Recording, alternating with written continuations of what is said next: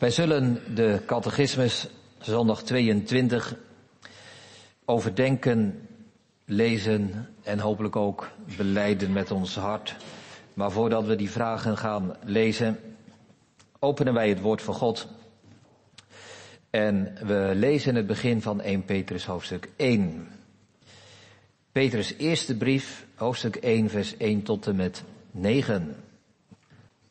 Hier spreekt het woord van God als volgt.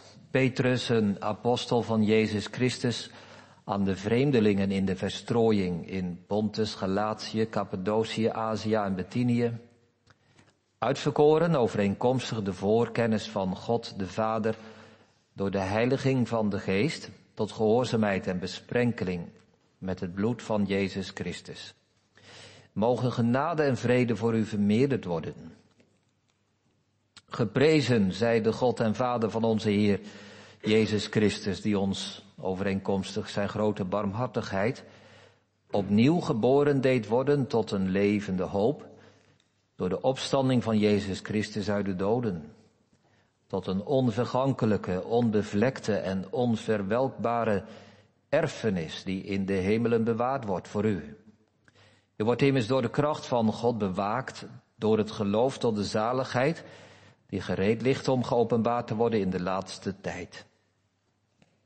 Daarom verheugt u zich, ook al wordt u nu voor een korte tijd, als het nodig is, bedroefd door allerlei verzoekingen, opdat de beproeving van uw geloof, die van groter waarde is dan die van goud, dat vergaat en door het vuur beproefd wordt, mag blijken te zijn tot lof en eer en heerlijkheid bij de openbaring van Jezus Christus. Hoewel u hem niet gezien hebt, hebt u hem toch lief. Hoewel u hem nu niet ziet, maar gelooft, verheugt u zich met een onuitsprekelijke en heerlijke vreugde. En verkrijgt u het einddoel van uw geloof, namelijk de zaligheid van uw zielen. Tot zover de lezing uit de schrift. Zondag 22 aansluitend. Vraag en antwoord 57 en 58. Welke troost biedt u de wederopstanding van het vlees? Antwoord dat niet alleen mijn ziel na dit leven de stond tot Christus haar hoofd opgenomen zal worden, maar dat ook mijn lichaam door de kracht van Christus opgewekt weer met mijn ziel verenigd en aan het verheerlijkte lichaam van Christus gelijkvormig zal worden. Welke troost put u uit het artikel over het eeuwige leven? Antwoord dat ik, aangezien ik reeds nu in mijn hart het begin van de eeuwige vreugde gevoel, na dit leven de volkomen zaligheid zal bezitten, die geen oog gezien, geen oor gehoord heeft, en die in geen mensenhart is opgekomen om God daarin eeuwig te prijzen.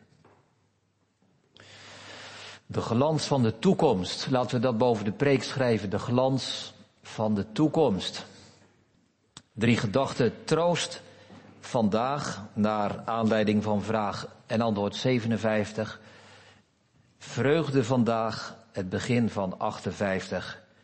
En vreugde in eeuwigheid, het slot van 58. De glans van de toekomst. De twaalf artikelen eindigen met een vooruitblik op de wederopstanding van het lichaam en het eeuwige leven. De twee laatste artikelen van de twaalf. En ten eerste de troost van vandaag. Al wordt ons lichaam afgebroken, wij worden getroost dat ons lichaam weer zal opstaan en volmaakt zal zijn. Troost vandaag. Vreugde vandaag, als in vraag 58 wordt gezegd dat wij al een begin, ik ga dat woord uitleggen, het begin van de eeuwige vreugde nu in ons hart bezitten. Dus de vreugde is er ook al vandaag. En tenslotte vreugde in eeuwigheid, waar het antwoord mee eindigt. De eeuwige vreugde die nu geen oog heeft gezien, geen oor heeft gehoord, geen hart van welk mens ook ooit heeft bedacht. Vreugde in eeuwigheid.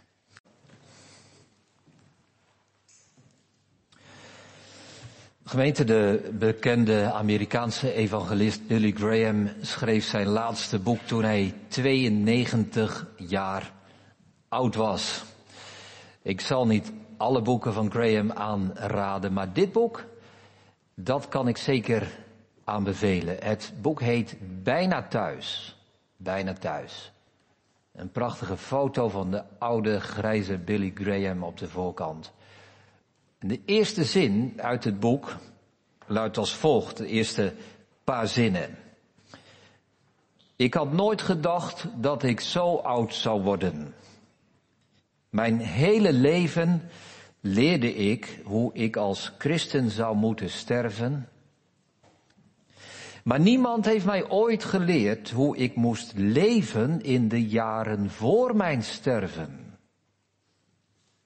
Hadden ze dat maar gedaan, want nu ben ik een oude man en geloof me, het valt niet mee. Aldus Graham. Oud worden, dat willen we allemaal. Oud zijn, niet. En toch is dat proces van ouder worden iets wat we allemaal meemaken. De aftakeling, de afbraak, minder worden, de achteruitgang. We hebben het wel soms over bepaalde mensen in een verzorgingstehuis die versterven. Versterven. Magerder en magerder worden tot er geen vlees meer aan de botten zit. Ik moest in de voorbereiding nog denken aan die laatste paar weken dat mijn eigen vader ziek was. Toen hij overleden was, toen hij in de kist lag. Toen zetten we zijn, zijn bril op. Dat we zeiden, nee, dit past niet. Zijn gezicht was zo mager geworden, zo ingevallen. Ja, dat, dat gebeurt er met mensen die sterven. Wat blijft er van een mens over? Van zijn vlees. Dat is het woord dat de Bijbel er vaak voor gebruikt. Hoe kunnen we daarin geloven met onze beleidenis? De wederopstanding van het vlees, de opstanding van het lichaam. De wetenschap zegt, kan niet. Onmogelijk. Ons verstand weerspreekt het. Het gaat niet. Ons ongeloof betwijfelt het. De vrijzinnigheid geeft er een draai aan. En zegt, ja, het zijn moeilijke woorden voor iets wat we, ja, je leeft voort in de herinnering of zo. De atheïst wil het niet. Die hoopt erop dat dood dood is. Zo gemeente komen aan het einde van die twaalf artikelen van het geloof die we als kerk al duizenden jaren beleiden, maar het wordt er wel spannend. Is dat iets wat we werkelijk kunnen geloven, dat meegaat in ons leven? Ons lichaam zal weer opstaan en wij hebben eeuwig leven voor ons. Ja, die ziel, hè, dat kunnen we misschien nog wel geloven, dat die ziel blijft bestaan en onsterfelijk is. Maar ons lichaam is zo verbijsterend sterfelijk.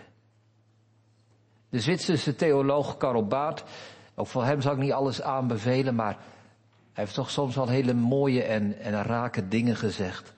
Luister eens wat Karl Barth zegt. Op een dag gaat een groep van mensen in een stoet naar de begraafplaats. Om daar een doodskist neer te leggen in een graf. Daarna gaat iedereen weer naar huis. Maar één iemand zal niet meer terugkomen. En die ene, dat ben ik. Onze toekomst. Onze sterfelijkheid. Of als ik een Bijbels voorbeeld geef, Johannes de Doper.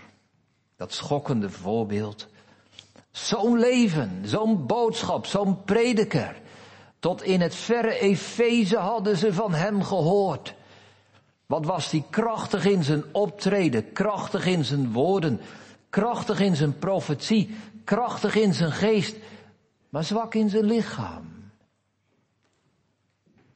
Een jong meisje, ingefluisterd door haar moeder, doet een rare wens. Ik wil het hoofd van Johannes de Doper. En de beul gaat met getrokken zwaard naar de gevangenis. Eén slag is genoeg om die krachtige man te doden. En dan staat er zo in de Bijbel, zijn discipelen kwamen, namen zijn dood lichaam weg en legden het in een graf.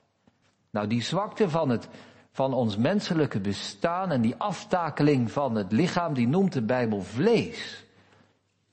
En dat woord komt terug in de twaalf artikelen, de wederopstanding van het vlees. Als ik zelf de twaalf artikelen uitspreek in de middagdienst, dan vervang ik het vaak ook door het woord lichaam. Maar we mogen dat woord vlees ook eigenlijk net zo goed wel laten staan, want er zit die extra klank in van, van sterfelijkheid. Alle vlees is als gras, zegt de psalm. En zegt Jezaja 40. Gelaten 2 zegt hetgeen ik nu in het vlees leef. Dus hier in het aardse leven. Wij gaan de weg van alle vlees. Een uitdrukking die we vast kennen. Misschien bent u, misschien ben jij wel eens een keer in een oude kathedraal geweest of zo. En dan, soms heb je zo'n tombe, zo'n soort kelder onder, onder de kerk. En er staat een sarcofaag. Dat is een stenen doodskist. Waar vroeger belangrijke mensen in werden gelegd en die werden dan bijgezet. Sarcofaag, dat woord betekent letterlijk, het is een Grieks woord, vleeseter. Sarcofaag. Het vlees, het lichaam van mensen verdwijnt, vergaat. Daarom spreekt de Bijbel over vlees. En bovendien zit er in dat woord vlees ook nog vaak die kant van het zondige bestaan. Tegenover de geest. Wat uit vlees geboren is, zegt Jezus tegen Nicodemus, dat is vlees. Gelaten vijf. Vlees en geest strijden tegen elkaar. Als u naar het vlees leeft, Romeinen 8, dan zult u sterven. Dus dat woord vlees heeft ook nog daarbovenop iets van dat, ja, van dat wat vernietigd moet worden. Wat onmogelijk eeuwig leven kan hebben. Dus zo gemeend als we rondkijken en, en eerlijk zijn en, en de wereld in ogenschouw nemen, dan zeggen we ja, maar het is afbraak, het wordt alsmaar minder. En dan komt daar die beleidenis van het christelijke geloof en je zegt, ik geloof de opstanding van het vlees. Ik geloof in de opstanding van het lichaam. Hoe kan dat? Het antwoord zegt dat niet alleen mijn ziel na dit leven meteen tot Christus haar hoofd opgenomen zal worden, maar ook, maar ook dat mijn lichaam door de kracht van Christus opgewekt weer met mijn ziel verenigd zal worden. En aan het verheerlijkte lichaam van Christus gelijkvormig zal worden door de kracht van Christus. Christus heeft zijn eigen lichaam laten opstaan uit het graf. Hij zal door zijn kracht ook ons lichaam laten opstaan. De Jovengetuigen zeggen dat alleen de geest van Jezus levend is. En dat ook alleen onze geest zal voortbestaan. Maar nee, Jezus is lichamelijk opgestaan. Ook wij zullen lichamelijk opstaan. Mijn hele bestaan zal van zonde en dood worden bevrijd en bij God mogen zijn. Het is soms moeilijk gemeente om aan je eigen levenseinde te denken. Maar soms hebben we een beeld scherp voor ons. Van je vader, ik noemde zelf mijn eigen vader zojuist. Of je moeder, een broer of een zus iemand anders waar je dat aftakelingsproces hebt gezien? Nou, denk eens aan die persoon. Als hij of zij een gelovige mag zijn, hè, dan komt er een dag dat hij of zij weer zal opstaan met een prachtig, krachtig lichaam. Niet dat laatste wat overbleef, dat uitgemergelde, maar een verheerlijk lichaam. Er zit dus veel eenheid en continuïteit tussen het leven nu en straks. Het was hetzelfde lichaam van Jezus. Het was herkenbaar aan de wonden in zijn handen en in zijn zijde. Hij droeg als het ware zijn hele levensgeschiedenis mee, maar dan verheerlijkt en onsterfelijk. En dat is ook wat wij geloven en beleiden. En wat ons troost vandaag, als wij geliefden zien die aan het sterven zijn. Als we ons eigen lichaam voelen, als we oud geworden zijn, als elke dag zwaar is. Als we bang zijn voor het einde, dan beleiden wij, mijn lichaam zal opstaan. Troost vandaag, onze eerste gedachte. We hebben geen uitzichtloze godsdienst. Wij hoeven niet weg te kijken van de dood, maar wij mogen vooruitzien en weten dat er voorbij de dood de opstanding is. De tweede gedachte, vreugde vandaag. We gaan naar vraag 58. Wat, welke troost put u uit het artikel over het eeuwige leven? Dan staat er dat ik, aangezien ik reeds nu in mijn hart het begin van de eeuwige vreugde gevoel, dan gaan we eerst bij stilstaan. Er staat dus dat ik nu, nu al het begin van de eeuwige vreugde in mijn hart gevoel. En dat is heel mooi, dat is heel belangrijk. Het eeuwige leven, gemeente, is niet iets wat pas begint als wij sterven, maar het eeuwige leven begint nu al. En de vreugde van de hemel is er nu al. Ja, zegt iemand, het begin, of als je de oudere bewoording hebt, het beginsel. Dat woordje begin of beginsel is niet een beginnetje. Ja, ook wel, maar er zit meer in. Als je op de SGP stemt, dan weet je dat. Hè? Dat is een beginselvaste partij. Dat is niet een beginnetje, maar dat zijn de beginselen. De grondslag, de principes, de basis. Nou, dat wordt hier gezegd. De grondslag, de basis, het principe van de eeuwige vreugde is er nu al. Nu al. Dat wordt hier gelegd. Luister maar wat Jezus zegt. Wat het woord van God zegt, Johannes 3, vers 16. Opdat de ieder die in hem gelooft niet verloren gaat, maar eeuwig leven heeft. Niet krijgt straks, maar heeft. Johannes 3, vers 36. Wie in de zoon gelooft, heeft eeuwig leven. Johannes 5, vers 24. Voorwaar, voorwaar zeg ik u, die mijn woord hoort en gelooft in hem die mij gezonden heeft, die heeft eeuwig leven en komt niet in de verdoemenis, maar is uit de dood overgegaan in het leven. Nu reeds, nu al.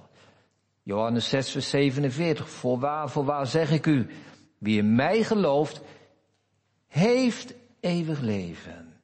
En Johannes 5, vers 11. En dit is het getuigenis, namelijk dat ons God het eeuwige leven gegeven heeft. Iemand zegt, hoe moet ik me dat voorstellen? Hoe, hoe, hoe kan dat? Eeuwig leven begint toch straks? Nou, de catechismus zegt iets prachtigs.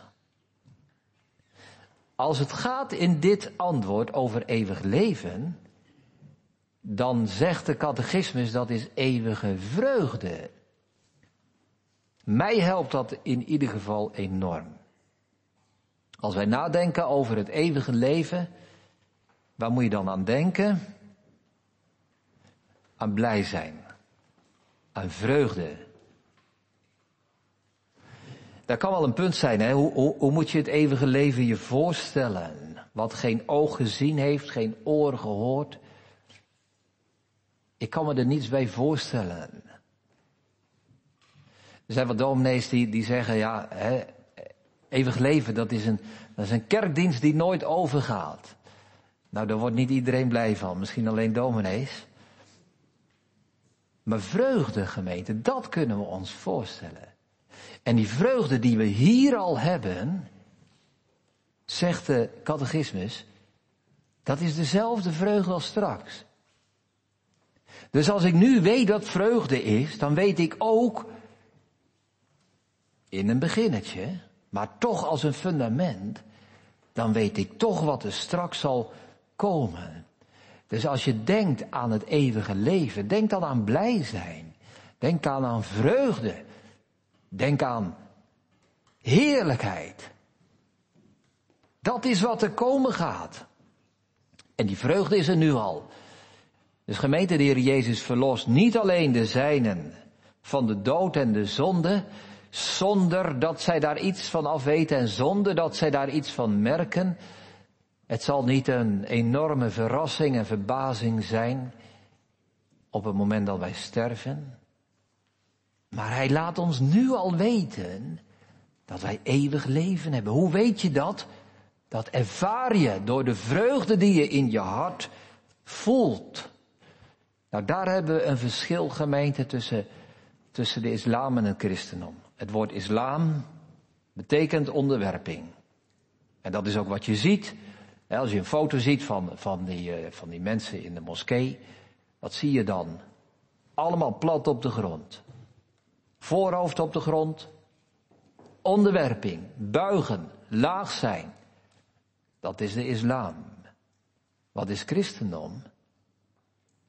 Vreugde. Wat is het eeuwige leven? Nu al en straks. Vreugde. Blij zijn. Wat is er dan veel godsdienst, hè? Wat is er dan veel christelijke godsdienst zonder vreugde? Is dat erg, gemeente? Ja, dat is heel erg. Waar geen vreugde is, is geen leven. Waar geen leven is, is de dood. Wat zijn er veel mensen die een christelijk leven leiden zonder vreugde, zonder blijdschap, waar het alleen maar och en ach is, en zuchten en klagen. Waarom zeg ik dat gemeente? Is dat omdat ik lelijk wil doen naar sommige mensen of kerken of zo? Nee, nee, nee, nee. Maar wel omdat het hier om, om, om alles gaat. Om de vreugde van het eeuwige leven. En wie mij gelooft, heeft eeuwige vreugde. Geen wonder dat zoveel jonge mensen opgroeien en zeggen, nou, ik kan me een gesprek herinneren met een student ooit hier in Rotterdam. Hij zegt, als ik naar het leven van mijn vader en moeder kijk, elke zondag zitten ze in de kerk. Ik wil zo'n leven niet. Want ze weten helemaal niet of ze straks eeuwig leven zullen hebben. Ik heb er geen zin in hoor.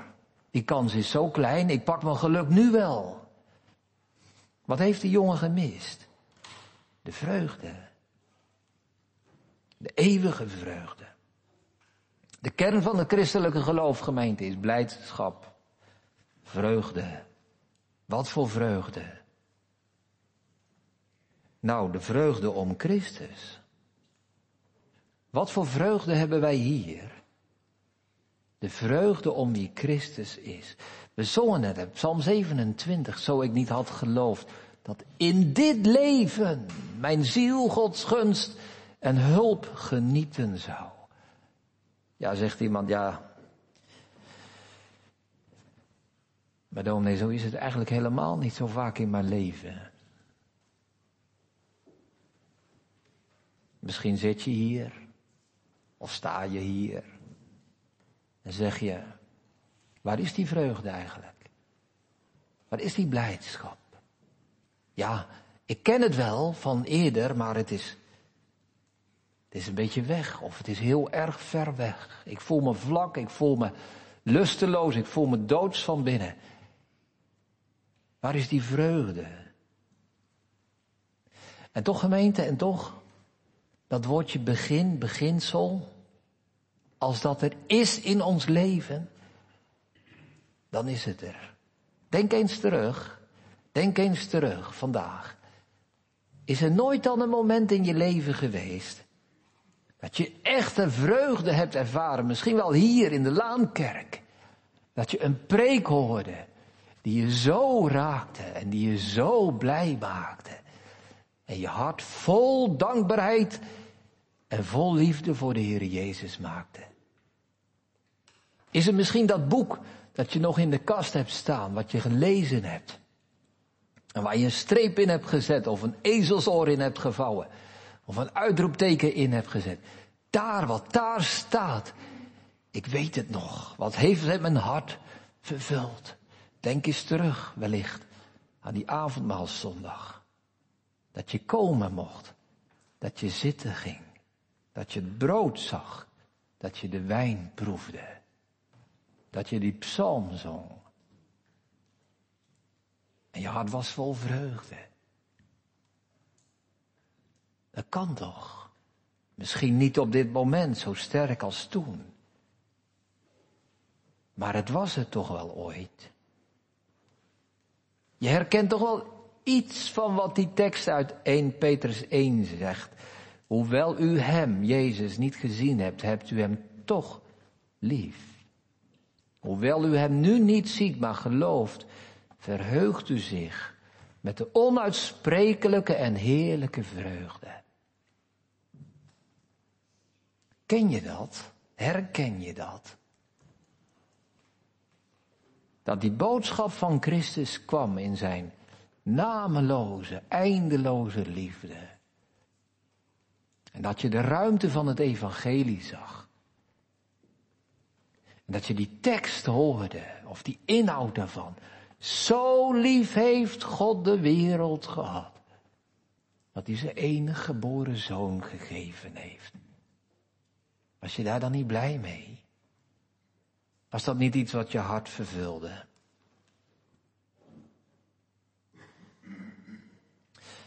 Nou zeg je nee, nooit eigenlijk. Dat kan. Dat je hier zit en dat je zegt, dit, dit, dit ken ik niet. Nou gemeente, dan weet je waar je naar zoeken moet. Dan weet je waar je naar op zoek moet, naar vreugde. Dat is een prachtig boek van Lewis, C.S. Lewis, waarin hij zijn levensgang beschrijft van atheïst tot christen. En dat boek heet Surprised by Joy. Verrast door vreugde. Dat was zijn bekering. Overvallen door vreugde. Als je dit niet kent, weet je, waar je, weet je nu waar je naar zoeken moet. Naar de vreugde van het evangelie. Dat is het begin, het beginsel, de grondslag, de basis van het eeuwige leven. We gaan naar onze derde gedachte, vreugde in eeuwigheid. Ik trek de lijn door, gemeente. Ik trek de lijn door. Want anders kan die twijfel er weer insluipen en dan zeggen, ja maar de hemel, ik weet er zo weinig van. Ik kan er eigenlijk niet naar verlangen. Als ik niet weet wat het is, hoe kan ik dan uitzien naar de hemel? En dan komt de twijfel binnen en dan zeg je, ja verlang ik wel naar de hemel? Is het dan wel echt bij mij? Krijg ik wel eeuwig leven? Dat zijn zo van die, die vragen die naar boven borrelen en de een roept de ander op. Je leest dat. Het antwoord 58, het slot. Die geen oog gezien, geen oor gehoord heeft en die in geen mensenhart is opgekomen.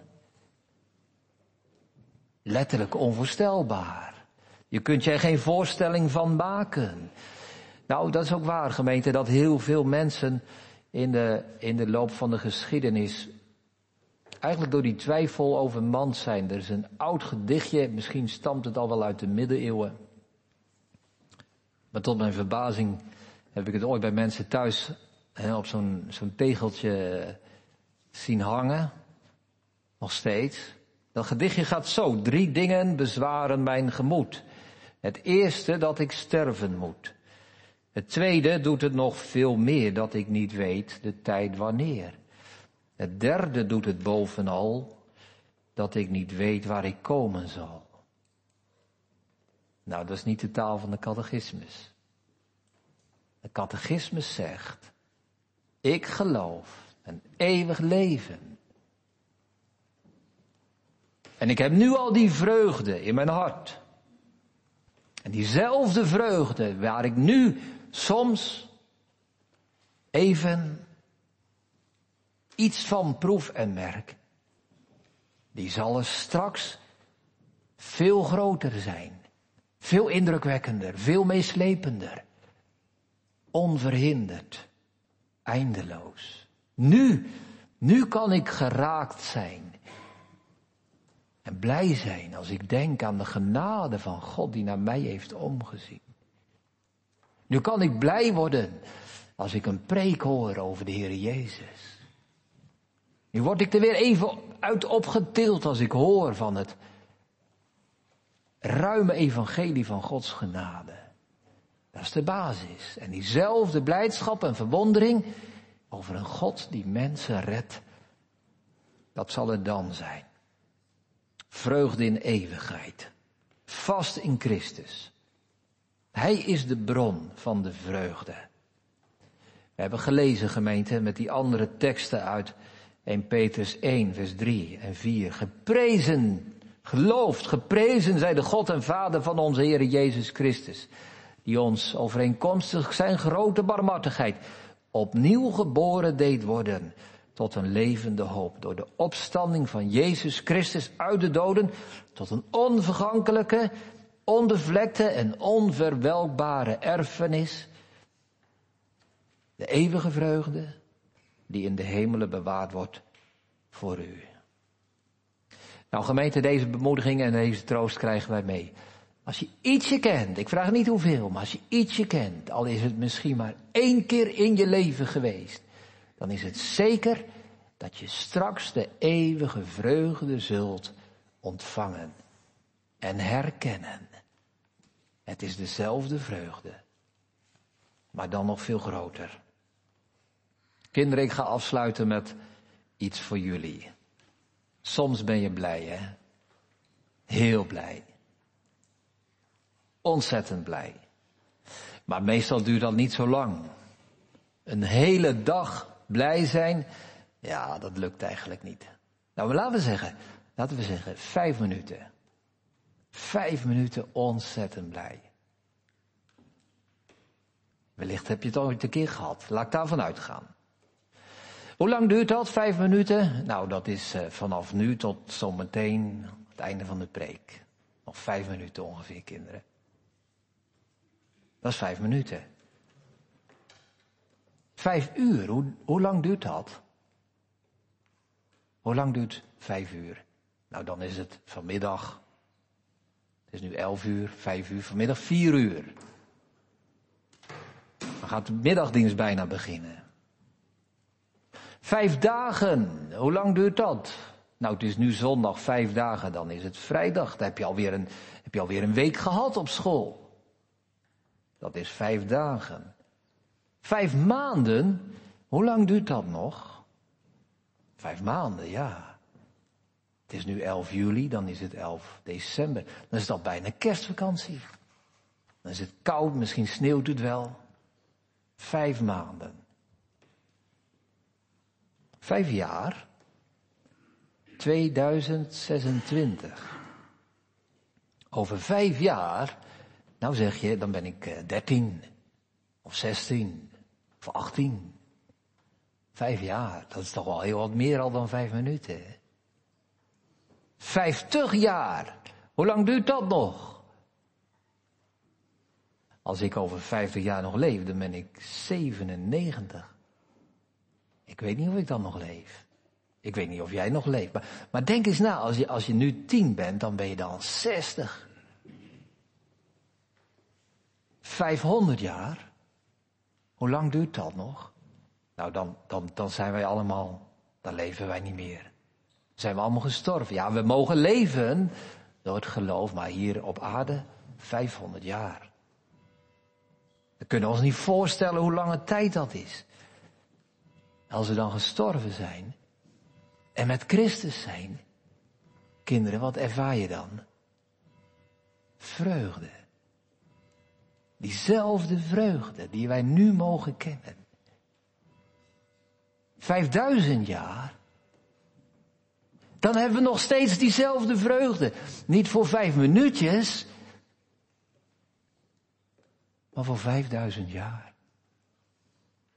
En het is telkens dezelfde verrassing en verbazing over de liefde van God en zijn genade.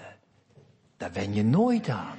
Het is dezelfde vreugde en toch ontdek je er telkens nieuwe dingen in.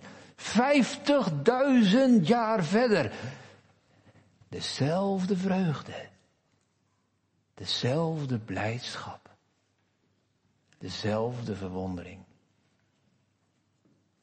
Vijfhonderdduizend jaar verder. Dezelfde vreugde. Dezelfde intense vreugde. Dezelfde blijdschap. En dat houdt nooit op. En het gaat altijd door. En het verveelt nooit. Altijd nieuwe dingen. Altijd nieuwe vreugde. Nou gemeente, dat is wat God ons belooft. Vijf minuutjes, dat kunnen we ons nog voorstellen. Maar een eeuwigheid. Dat gedichtje wat ik net noemde, dat was het niet. Ander gedichtje. Drie dingen vertroosten mijn gemoed. Dat ik gewassen ben in Christus bloed. Het tweede nog veel meer, dat ik toebehoor aan Jezus mijn Heer. Het derde doet het bovenal, dat ik weet waar ik komen zal. Amen.